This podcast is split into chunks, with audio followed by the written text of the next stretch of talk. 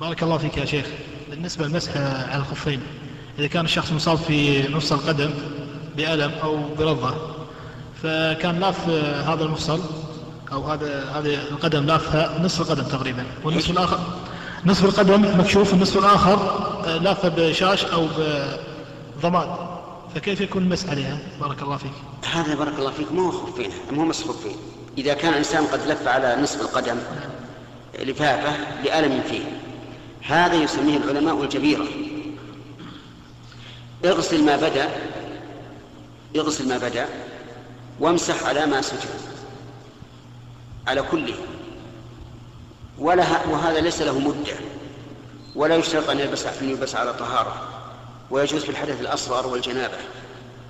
لأن هذا يسميه العلماء إيش؟